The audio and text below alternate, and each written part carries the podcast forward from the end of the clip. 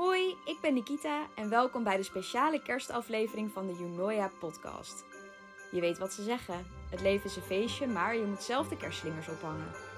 Dus we gaan gewoon lekker doen of het buiten sneeuwt, pak een emmer glühwein erbij, steek de kerstlichtjes in de fik en dan gaan we het gezellig samen hebben over de most wonderful time of the year.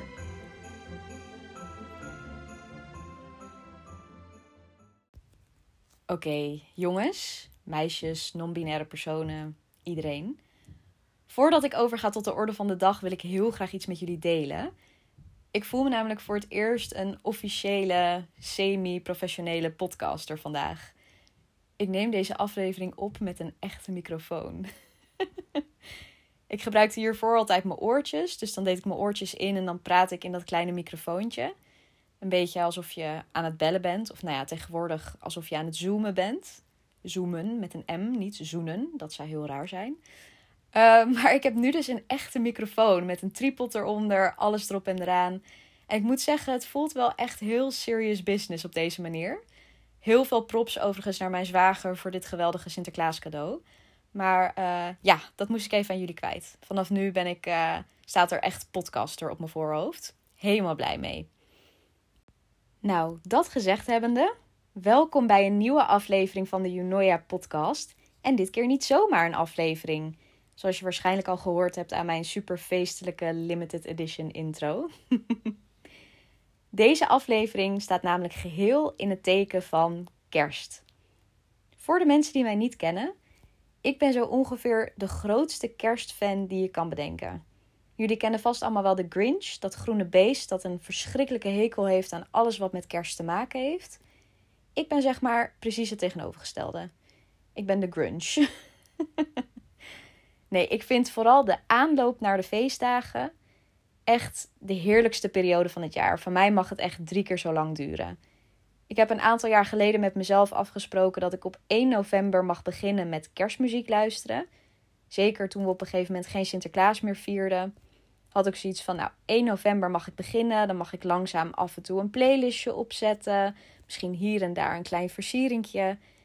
En zeg maar die periode tot aan de kerstdagen, dat is voor mij puur genieten.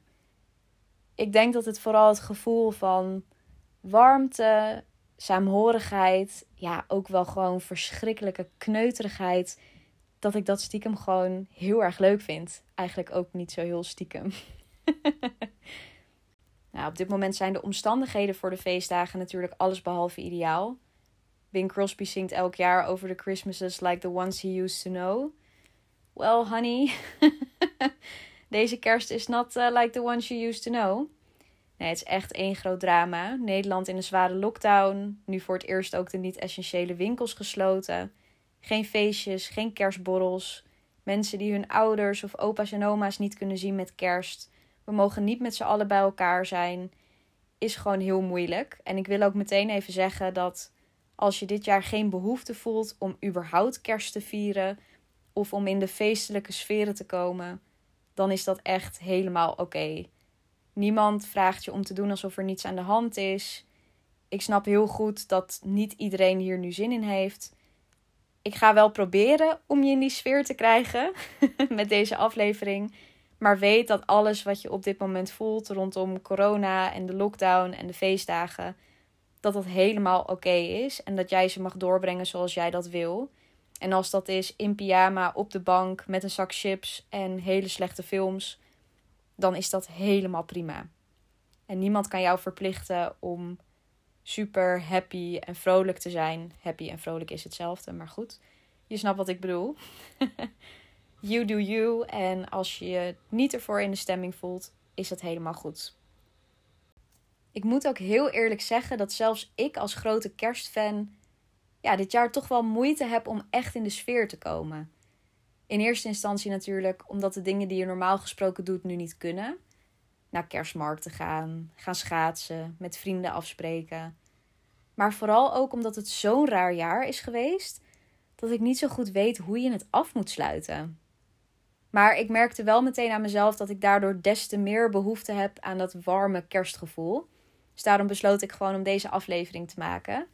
Om mezelf wat meer in de kerstsfeer te krijgen en hopelijk iedereen die luistert ook. En het eerste waar ik aan moest denken was kersttradities.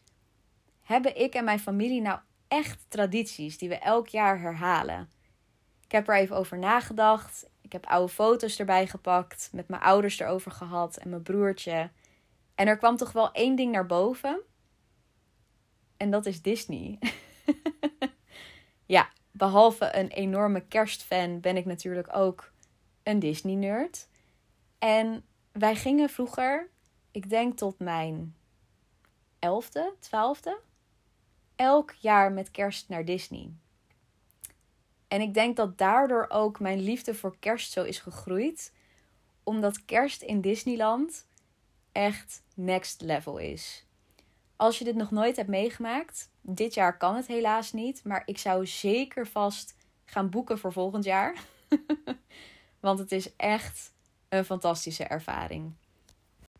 En ik kan me nog zo goed voor de geest halen hoe het voelde als klein meisje om dan het park binnen te lopen en die enorme kerstboom te zien. En de kerstmuziek die over Main Street schalde. Ja, dat maakte gewoon enorm veel indruk. En dan vooral het aansteken van de kerstboom. Dat klinkt trouwens echt alsof de kerstboom in de fik werd gestoken, maar dat was het niet. Nee, het aansteken van de lichtjes in de kerstboom. Dan kwamen er altijd a cappella zangers die kerstliedjes gingen zingen. Echt super mooi. En dan kwam Mickey Mouse en de kerstman. En dan gingen ze dus, gingen alle lichten op Main Street gingen uit. En dan gingen ze stap voor stap, etage voor etage, zeg maar, de lampjes van die kerstboom aansteken. Ja, dat was als klein meisje zo mooi om te zien. En wij sliepen meestal op de Davy Crockett Ranch. Dat zijn een soort houten blokhutjes, kleine appartementjes van Disney zelf. En dan gingen mijn opa en oma vaak ook mee. En als ik dan geluk had, mocht ik ochtends met mijn vader mee om het ontbijt op te halen. Dat was dan in een soort hoofdgebouw. En er waren ook Disney-figuren, dus dan mocht ik daarmee knuffelen en spelen. Nou, dat vond ik sowieso al helemaal fantastisch. En dan werd je ontbijt in hele leuke Disney-tasjes gedaan. Je stokbroodjes, croissantjes. Nou, door de kou weer terug. Met z'n allen ontbijten in dat kleine hutje. En dan bespreken wat we die dag allemaal gingen doen. Ja, daar heb ik zulke fijne herinneringen aan. En dat is voor mij zoveel meer het kerstgevoel dan aan een kerstdiner zitten. Nou is mijn familie sowieso niet van het heel erg uitgebreid vieren van kerst. Maar dit zijn voor mij toch echt wel de warmste ja, en leukste kerstherinneringen. Zelfs nu ik er gewerkt heb en van alles achter de schermen heb gezien, zoals ook het aansteken van de kerstboom. Nou, dat is trouwens misschien wel leuk om even te vertellen. ik heb dus twee jaar lang dat aansteken van de kerstboom meegemaakt als zijnde castmember, guestflow medewerker. En elke keer als ik of een collega dat op ons schema zag staan, dan kregen we zowat een rolberoerte. Want dat was echt de meest verschrikkelijke show om te werken. Je moet je namelijk voorstellen, die kerstboom staat op het midden van het plein in Main Street bij de ingang. Daar lopen honderden, duizenden mensen. Zodra die tree lighting ceremony, want zo heette die show dan, eraan kwam, moest dat plein binnen een paar luttele minuten helemaal vrijgemaakt worden. Nou, dan voel je je echt een soort van politieagent op Koningsdag, keer duizend. En dan moesten we er ook nog voor zorgen dat tijdens die show, we plaatsten dan wel uiteraard uh, hekken en paaltjes met touwen ertussen. Maar dan moest er ook nog een bepaalde flow zijn waarbij mensen alleen um, aan de linkerkant de ene kant op mochten en aan de rechterkant de andere kant. Dus aan één kant maar het park uit en aan één kant het park in. Nou, dat was echt een ramp. Ik denk dat ik op die plek en bij die show het meest ben uitgescholden in mijn hele leven. en het was vaak heel laat avonds, rond 10, 11 uur. Mega koud. Nou goed, om een lang verhaal kort te maken. Van achter de schermen was het iets minder romantisch dan hoe ik het als klein meisje meemaakte. Maar desalniettemin heb ik er heel veel herinneringen aan. En het maakt het juist ook wel weer heel erg leuk dat ik het van beide kanten heb meegemaakt. En ik weet nog wel dat ik als ik daar stond en ondertussen iemand me aan het uitschelden was voor god weet wat allemaal. Dat ik dan omkeek naar die kerstboom en dacht: ja, hier stond ik als klein meisje en nu werk ik hier gewoon. Dus het had ook wel iets heel leuks. Maar het was, het was pittig. Waar ik ook hele leuke herinneringen aan heb trouwens, dat zijn de kerstdiners op de basisschool. Ik moest er laatst aan denken omdat ik heel toevallig een foto terugvond van dat ik aan zo'n diner zat. Ik denk in groep 6, 7. Waar ik het overigens een heel goed idee vond om mijn haar groen te spuiten. Het was niet in de mode, niemand anders had het, maar ik wilde blijkbaar op een kerstboom lijken of zo. I don't know. Maar ik zag er heel content uit op de foto, dus blijkbaar was ik er zelf heel blij mee. Maar nee, dat was altijd super leuk. Ik weet niet hoe dat bij jullie was, maar bij ons was het dan dat iedereen een hapje maakte. Wij maakten meestal pigs in a blanket, oftewel mini worstenbroodjes. en dan maakten we een lopend buffet en de klas was dan helemaal mooi versierd. En iedereen deed altijd heel erg zijn best om zijn mooiste kleren uit de kast te trekken. Ik weet nog dat heel veel jongens kwamen altijd echt in pak en meisjes in jurkjes en opgemaakt. En dan werd je in groepjes bij elkaar gezet en dan gingen we gezellig de hele avond met z'n allen eten en kinderchampagne drinken. Maar het allerleukste van de avond vond ik altijd na het eten. Dan gingen we met alle klassen naar buiten en dan stond er een grote kerstboom op het schoolplein. Kregen we allemaal een sterretje en dan gingen we met z'n allen kerstliedjes zingen. En ik weet nog dat heel veel kinderen dat heel stom en saai vonden. Vooral als je dan wat ouder werd in groep 7, 8, dan was het natuurlijk helemaal niet meer cool om kerstliedjes te zingen. En dan gingen heel veel vriendinnen van mij expres playbacken, omdat het anders niet stoer was. En dan had je Nikita, die stond uit volle borst alsof er leven ervan afhing, al die liedjes mee te zingen. Ja, ik vond dat gewoon veel te leuk. En ik moest er laatst weer aan denken, dat ik dacht dat was echt zo'n leuke, simpele tijd. En ik hoop echt dat als ik ooit kinderen krijg, dat die dat ook op die manier gaan meemaken. Want ik vond dat echt heel leuk. Eigenlijk is dat best wel jammer, hè? Dat je op een gegeven moment op een leeftijd komt dat je dit soort dingen dan maar niet meer doet. Omdat het dan gek is of raar. Ik zat te denken, dit jaar wordt het een beetje lastig. Want volgens mij mag je op dit moment niet eens in het openbaar zingen, dacht ik. Maar ik denk dat ik het volgend jaar gewoon ga voorstellen. Na het kerstdiner, yo jongens, we gaan lekker even allemaal naar buiten even met z'n allen kerstliedjes zingen. Ik ben overigens heel benieuwd hoe mijn familie hierop gaat reageren. maar who knows, misschien staan ze ervoor open. Ik vind trouwens sowieso het buiten zijn in de periode rond de feestdagen. Ja, dat heeft altijd iets magisch en heel gezelligs. Ik denk dat ik er op dit moment helemaal niet meer origineel in ben. Maar wat ook een van mijn tradities is, is om heel veel te wandelen als ik dan bijvoorbeeld met vriendinnen heb afgesproken of ik ben wezen sporten, ben naar mijn werk geweest in normale niet-lockdown tijden, om dan in plaats van het OV of de fiets te pakken, gewoon lekker te gaan lopen. En dan vooral wanneer het buiten eigenlijk net iets te guur en te koud is, dat je van die hele knalrode wangen krijgt, dat je je gezicht bijna niet meer kan bewegen. En als het een beetje schemert en dan gewoon lekker door de stad lopen. Ik woon natuurlijk in Amsterdam, dus dan vind ik het heerlijk om over de grachten te lopen. Een beetje bij mensen naar binnen te gluren om te zien wat voor kerstboom ze hebben. En het allerlekkerst is dan nog om onderweg een warm drankje te halen. En dan het liefst een kerstkoffietje. Ja, ik ben echt zo'n basic girl die helemaal lekker gaat op die kerstkoffies van de Starbucks. Met een beetje schaamrood op mijn kaken moet ik dit toegeven. Ik vind het eigenlijk echt heel naar om zo'n grote keten elk jaar flink te sponsoren. maar het is gewoon zo lekker. Een gingerbread latte is echt gewoon kerst in een kopje. Ik kan er niks aan doen.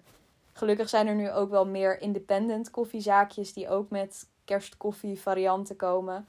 Nou ja, en in ieder geval gewoon koffie met een veel te zoet siroopje erin. Glühwein ook altijd goed. Gewoon lekker dat je je handen eraan kan warmen. En dan gewoon lopen. Kijken naar alle lichtjes, die koude lucht opsnuiven. Ja, daar word ik altijd heel gelukkig van. En ik denk dat zeker in deze tijd, nu heel veel mensen ja, het wandelen toch wel weer ontdekt hebben, ja, dat het heerlijk is om te doen. En vooral ook in je eentje. Ik denk dat we ons rond de feestdagen vaak heel erg afhankelijk opstellen van andere mensen. Zo van: jij moet kerstcadeautjes voor me kopen. We moeten samen zijn. We moeten het samen heel gezellig hebben, verdomme. Terwijl je ook heel goed hele kerstige dingen gewoon lekker in je eentje kan doen. En ik denk zeker nu, in deze toch wel lastige tijden, waarin we niet zoveel mensen kunnen zien, er niet zoveel mogelijk is buitenshuis, dat het des te fijner is om je niet te afhankelijk op te stellen van anderen En gewoon lekker je eigen kerstbubbel om je heen te creëren. Denk dat we dit ook als een gelegenheid kunnen zien om de feestdagen een keer helemaal in te richten zoals we zelf willen. Normaal gesproken ben je natuurlijk best wel afhankelijk van familie, van vrienden. En nu kun je gewoon helemaal zelf bepalen wat je gaat doen. Dat is toch heerlijk? Gewoon een bubbeltje om je heen en in die bubbel alleen maar dingen doen die jij leuk vindt. Nou, ik zal jullie eventjes een kijkje geven in mijn kerstbubbel. Wat ik het allerfijnst vind. En het ligt heel erg voor de hand. Het is totaal niet origineel. Maar het is wel waardoor ik het meest in de sfeer kom. En dat is lekker kerstfilms kijken. Echt, die kerstfilms die vallen elk jaar als een soort warme deken over me heen. En het is gewoon de perfecte manier om wel helemaal in die sfeer van de feestdagen te komen. Zonder dat je er al te veel moeite voor hoeft te doen, eigenlijk. En wat ik doe in mijn hoofd. Het is niet dat ik dit in een boekje heb staan of zo. Maar in mijn hoofd heb ik vier categorieën kerstfilms. En de eerste categorie, die noem ik de cheesy romantische kerstfilms. Dat zijn eigenlijk een beetje van die films waarbij je een tijltje naast je neer moet zetten. Omdat je om de vijf minuten het gevoel hebt dat je moet barven. Ehm, ook wel de Hallmark Netflix kerstfilms genoemd. Ja, dat zijn gewoon de cliché romantische films. Ik raad je dit vooral aan als je net in een relatie zit of je voelt je heel erg verliefd. Je hebt zin in heerlijke overdreven Amerikaanse romantiek. Ja, dan, dan is dit echt de categorie voor jou. Ik vind bijvoorbeeld The Princess Switch op Netflix. Ja, het is echt te zoet voor woorden, letterlijk en figuurlijk. Het is een film met Vanessa Hudgens, die speelt een dubbelrol. En het gaat over een meisje die in een bakkerij werkt en een hertogin, geloof ik. En zij wisselen van plaats, want zij lijken precies op elkaar. Spoiler alert, het is allebei Vanessa Hudgens. Ehm, wat ook een hele leuke is, heel bekend ook, is The Holiday. Ook heel cheesy, met alleen maar mooie, perfecte mensen. Prachtig klein hutje op het Engelse platteland Versus een hele grote villa in Los Angeles en twee vrouwen die voor de kerst van levens wisselen. Heerlijke film ook. En ik heb vorig jaar een nieuwe ontdekt. Die staat volgens mij ook alleen op Netflix. En dat is Holiday in the Wild. Hier speelt Charlotte in van Sex and the City voor de kenners. En het gaat over een vrouw die uh, in scheiding ligt, alles achter zich wil laten en naar Zuid-Afrika vertrekt om met olifanten te gaan werken niet een typische sneeuw- en uh, kou kerstfilm. Maar daardoor wel extra leuk en ja, verschrikkelijk cheesy. Dus dat is gewoon genieten. Dan de tweede categorie. Daar vallen voor mij de films in die ook cliché zijn, maar dan net weer op een andere manier. Dus die niet gericht zijn op romantiek, maar meer feel-good verhalen met een vleugje fantasy die niet per se echt gebeurd hadden kunnen zijn.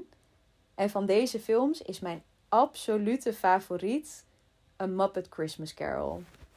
Ja, het bekende verhaal van Charles Dickens, maar dan met Muppets. Je zag het niet aankomen. Nee, iedereen kent natuurlijk wel het verhaal van de gierige Scrooge die kerst haat, maar die door de komst van drie geesten in gaat zien dat kerst in je hart zit. En dat het veel leuker is om dingen weg te geven in plaats van alles voor jezelf te houden.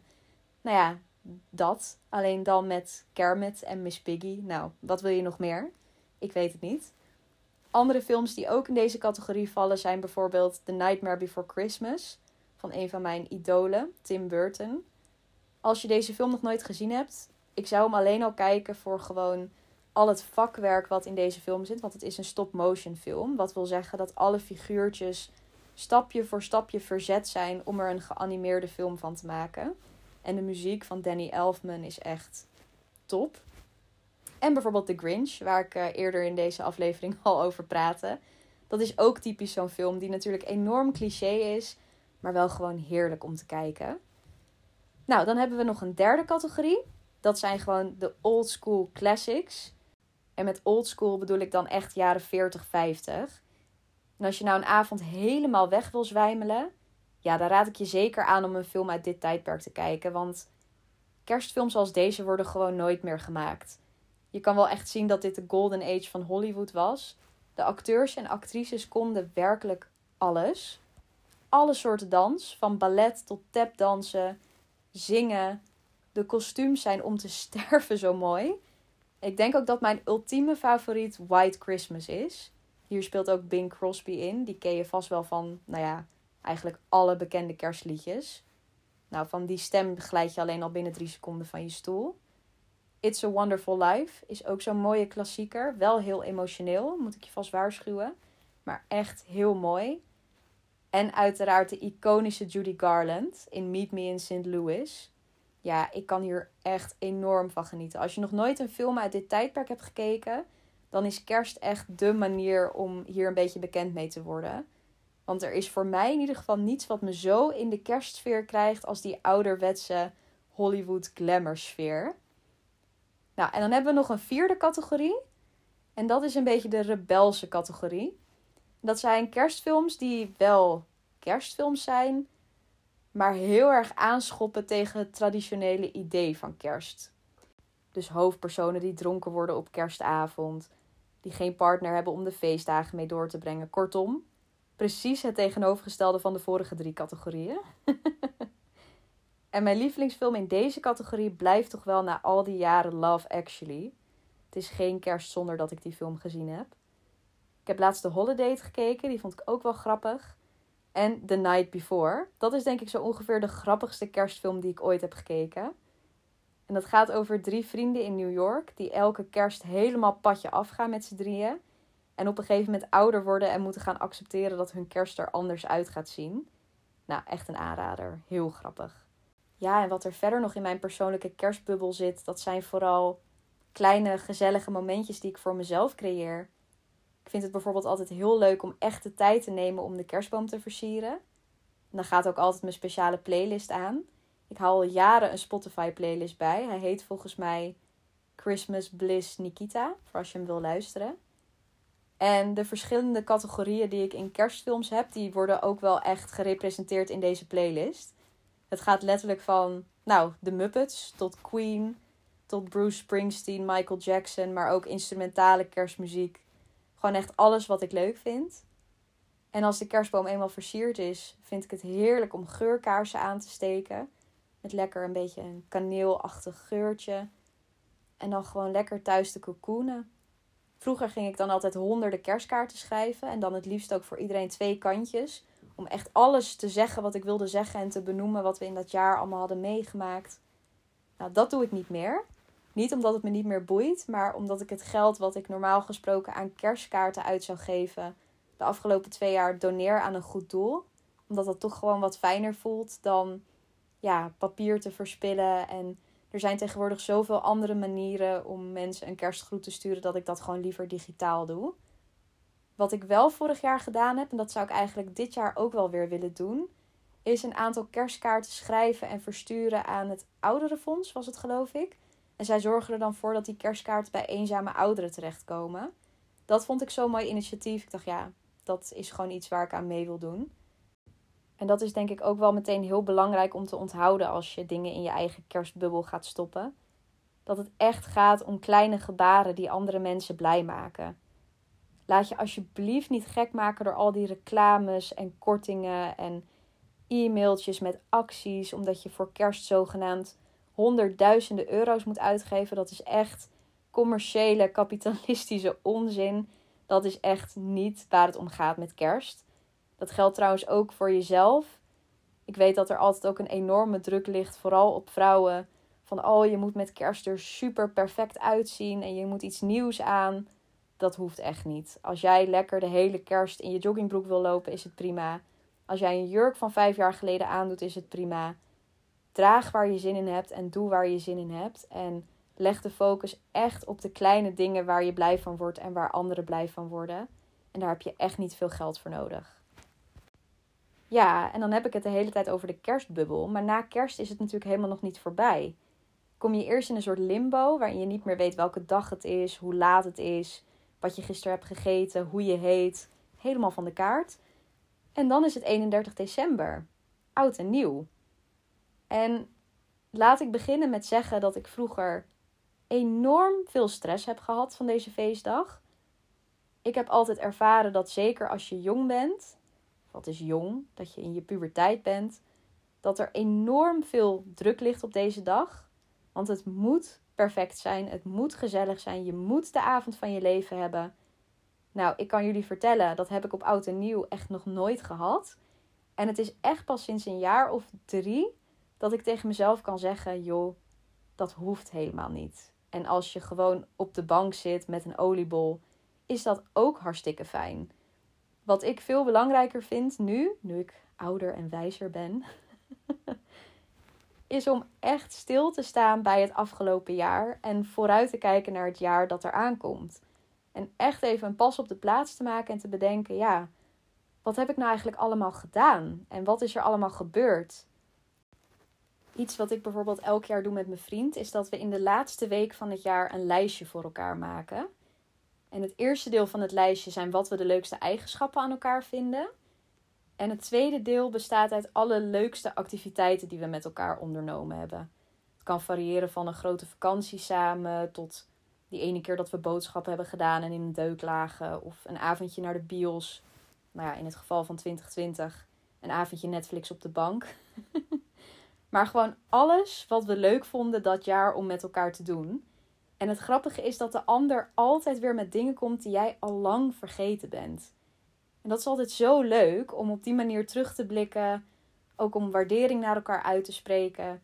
En vooral om ook je weer te bedenken hoeveel er in één jaar kan gebeuren. In het geval dat je vrijgezel bent, kan je dit ook met een vriendin doen. Maar zelfs ook in je eentje. Ik zou gewoon je telefoon erbij pakken. Eventjes naar je fotoalbum. Helemaal terugscrollen naar 1 januari van in dit geval 2020. En voor jezelf gaan opschrijven van nou, wat vond ik nou leuk aan mezelf dit jaar? ook heel goed om een beetje zelfliefde rond te strooien.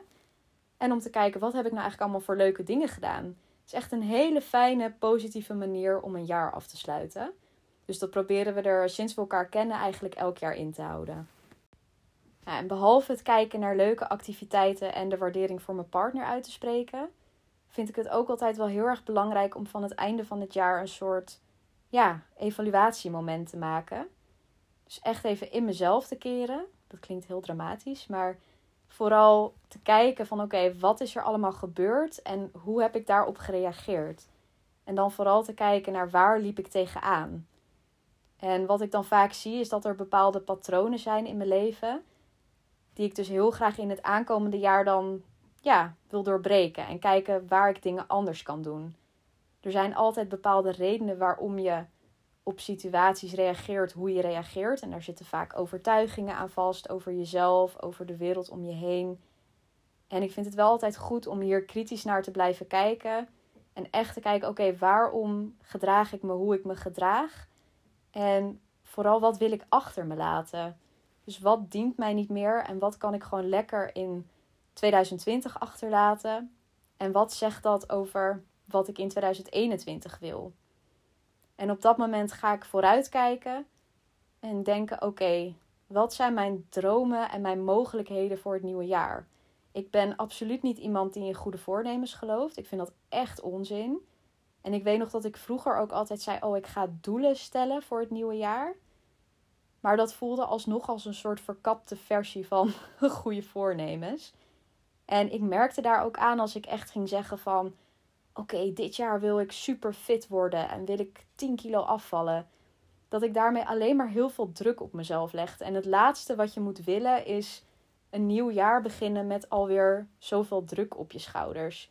Ik weet dat dat ons een beetje van jongs af aan wordt aangeleerd, maar ja, voor mij in ieder geval, het is natuurlijk voor iedereen persoonlijk en voor iedereen anders, maar voor mij werkt dat gewoon helemaal niet. Dus ik stel juist geen keiharde doelen, want dan voel ik me heel erg opgejaagd. Maar ik probeer echt te kijken naar die patronen die ik wil doorbreken.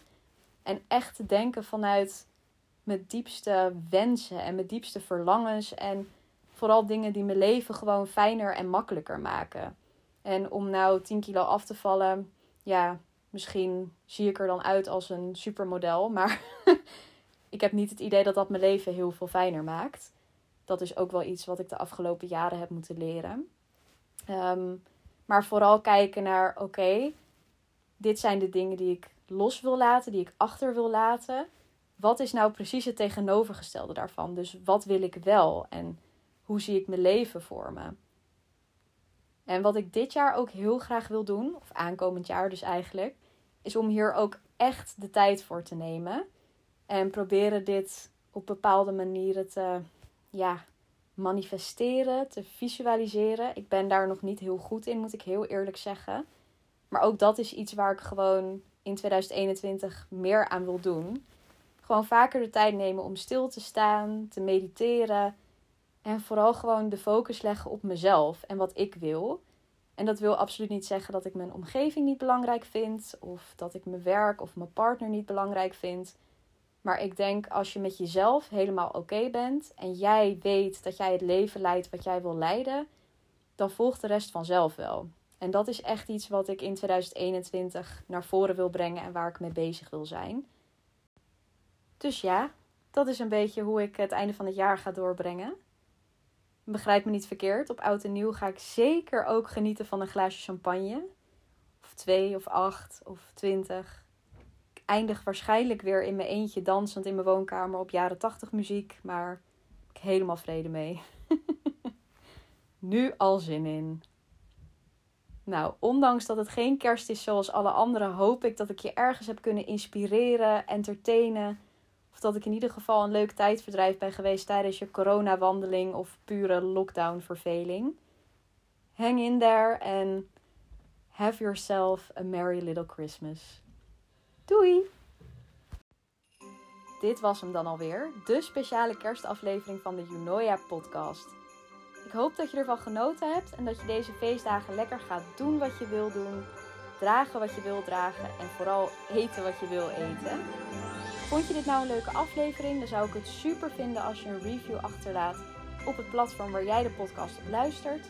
En uiteraard kun je me weer volgen op Instagram, met schrijfsels Nikita en alle andere onzin Nikita Ashley. Heel erg bedankt voor het luisteren en tot volgend jaar!